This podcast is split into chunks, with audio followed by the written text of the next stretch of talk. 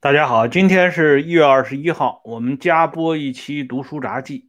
今天的这一期读书杂记，我们来一起聊一聊李鸿章当年说过的一句至理名言。这一句至理名言是李鸿章跟一位中国近代著名的外交官郭松涛，他们两个人在通信的时候提到的。而这一句至理名言，也是李鸿章。当时对他曾经非常看重，也是集中忽悠的一位晚辈啊，后进者孙中山说过的话题。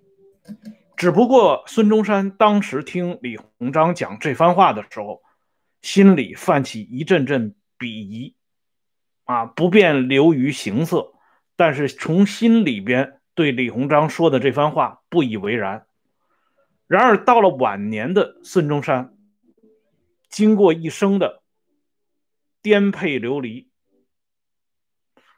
然后意识到，当年的李二先生李鸿章说的这番话确实很了不得。这样呢，我们先从一开始啊，这两个人李鸿章和孙中山的关系简单说起。我们都知道，孙中山。他在年轻的时候是很有一些文青范儿的，用今天的话讲，是一个带有一定程度愤青色彩的这么一个非常有抱负、有理想的青年。他想从水火当中把中国拯救出来，这一点不论是夸孙中山的还是骂孙中山的都要承认。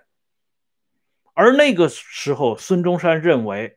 还是应该从大清国内部着手，所以他首先想到有开明思想的李鸿章，他要同李鸿章谈一谈。李鸿章当然不可能同意孙中山的这些想法，但孙中山这个年轻人给李鸿章留下了极深刻的印象。后来，当李鸿章有机会出任两广总督的时候，李鸿章一方面是出于爱才的这个角度。一方面也是避免孙中山和康有为联联手，啊，以打着所谓北上勤王，就是所谓保卫光绪皇帝的名义，这样呢对西太后就是那拉氏有所不利。既有这方面的考虑，也有啊，刚才我说到的，他喜欢孙中山这个人，两种考虑，他曾经曾经三次。拉拢过孙中山，而孙中山这个时候也是积极谋求与李鸿章合作，只不过孙中山那个时候的想法是想借用李鸿章当时的地位、声望以及他的这种所谓的开明思想，让两广就是广东、广西脱离大清朝的统治，从而为革命提供一个坚实的后方基地和根据地。啊，实际上咱们说孙中山的这种想法也并不奇怪。后来伟大领袖年轻的时候也考虑让他的家乡湖南走这么一条老老路。只不过孙中山那个时候他在同李鸿章啊联系的过程当中，李鸿章再一次跟孙中山提到了他给郭松涛信中的那句话。这句话如果。啊，念一下原文是这么说的：“兵乃立国之要端，欲舍此，令图其大者远者，亦断不得一行其志。”这个话呢，说的比较文雅，翻译过来就是说，军队是这个国家的根本，手里没有一支过得硬的军队，没有一个能够如臂使指、完全听话的军队。想做什么事情都不行，远水解不了近渴，想举大事更是属于啊望梅止渴，不可能做到的。而李鸿章之所以能发出这样的呼声，就在于李鸿章他一生成功也罢，失败也罢，所有的经验教训都是围绕着军队展开的。我们都知道李鸿章能有后来的事业，啊，所谓少年科甲，壮年戎马，中年洋务，最后一路扶摇，靠的就是手中的淮军。而后来，所谓落架凤凰不如鸡，在北京一个老头啊，孤零零的，没人搭理他，三眼花翎、黄马褂都丢了，因为北洋舰队没了，唯一赖以生存的这个私人武装也就没戏了。那这样的话，我们就可以看到李鸿章向年轻的后生孙中山。说出这番至理名言，那是饱含心酸的。而那个时候的孙中山，正是志气昂扬，他满心要干一番前无古人这个大事业。所以，对于一个靠枪杆子起家的这么一个老军阀，说出的这番话，孙中山根本就没当回事儿。而且，孙中山同冯自由啊、陈少白啊。这些亲信们还嘲笑李鸿章，说李鸿章又是想拿这些腐朽了的东西啊，对我们进行灌输。李李鸿章的这些说法，在孙中山他们看来不值一驳。孙中山他们要建立的是一个啊，有着种种美好憧憬的这么一个新国家，所以他认为军队不是不能用，军队是开启大门的钥匙。门打开了以后，这个军队就要束之高阁。而之前这把钥匙怎么能配成这把钥匙，其实也不是重中之重。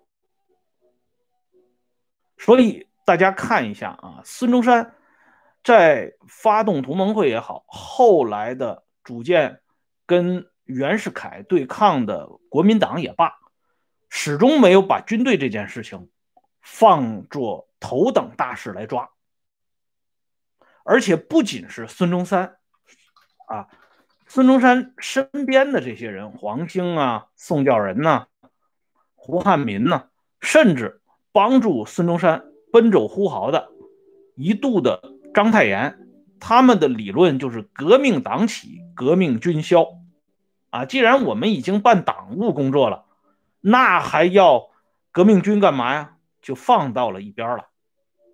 所以后来啊，辛亥革命成功以后，在南京建立政权，这个时候国民党内部，也就是同盟会这些人，就有了很多乱七八糟的说法。其中宋教仁的观点最为突出。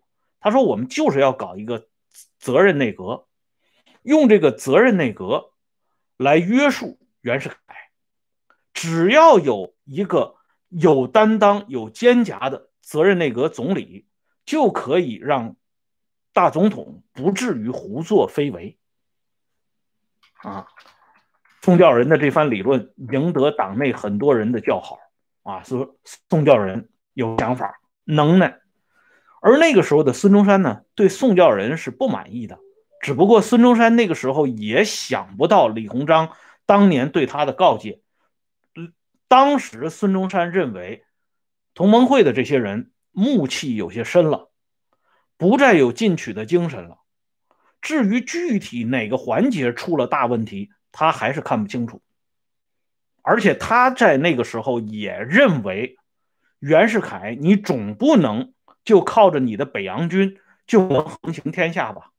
总还要顾及一下民心、民意和舆论吧？可是呢？我们看到后边，宋教仁被人家搞掉了啊！关于宋教仁的死亡原因，至今还有一些争论，但是争论的余地不是很大。宋教仁死了以后啊，袁世凯呢逐渐把这个伪装撕掉了，就是要跟国民党较量一番。而直到这个时候，以黄兴为首的这些人，居然还要主张。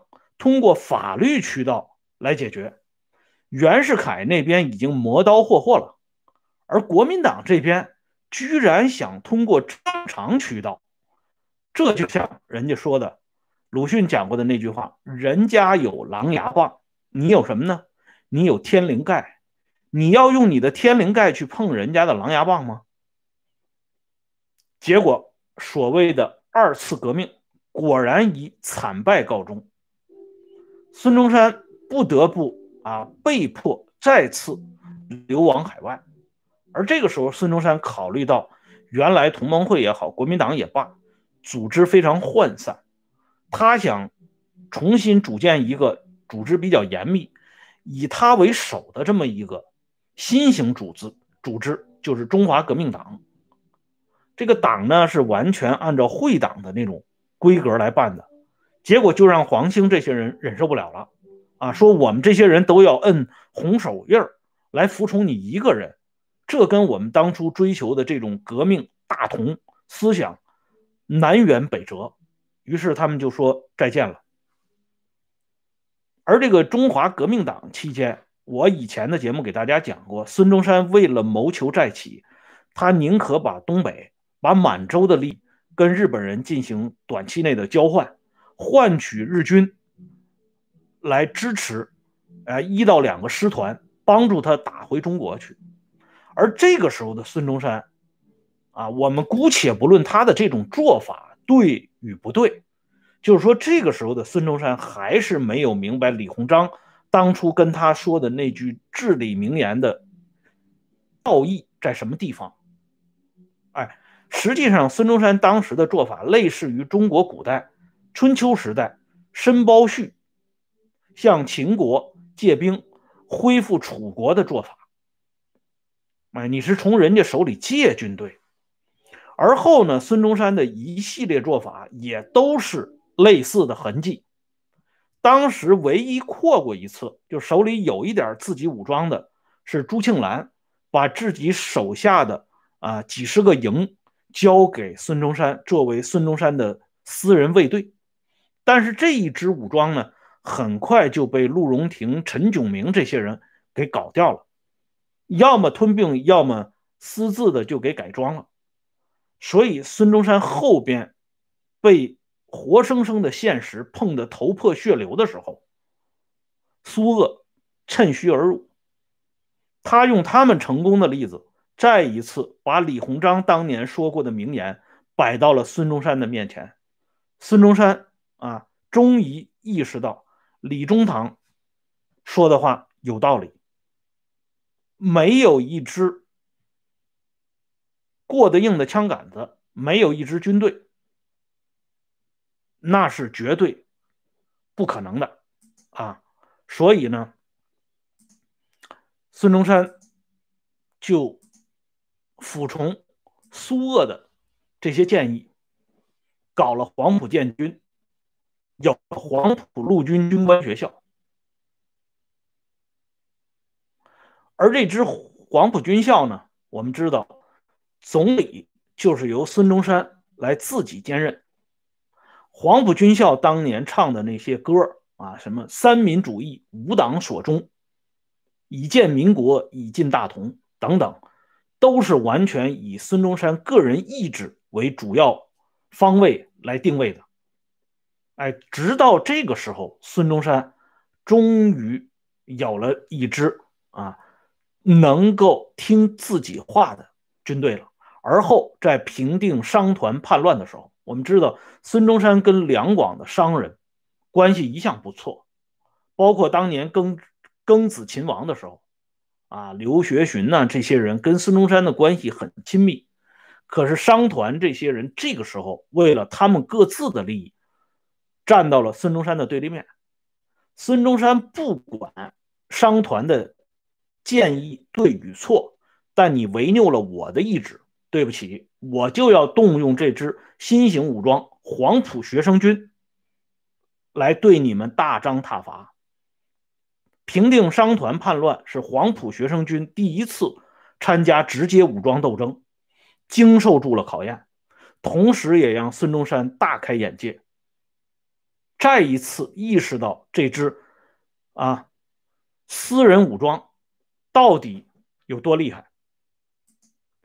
那么，不光是孙中山啊。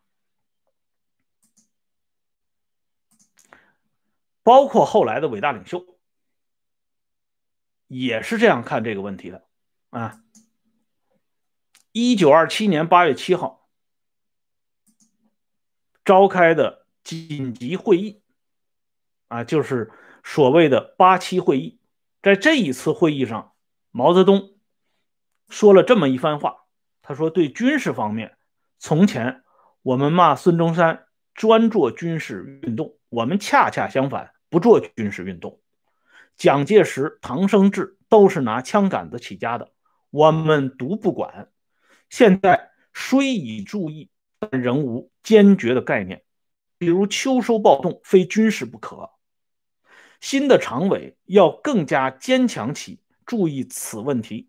湖南这次失败。”可说完全是由于书生主观的错误。须知政权是由枪杆子中取得的。毛的这番话，后来成为大家尽人皆知的那个著名的理论：枪杆子里边出政权。而毛泽东正是从这个时候开始，注意抓枪杆子，走了一条农村包围城市的道路，最终。夺取全面政权，以确立他伟大领袖的千秋地位。当然，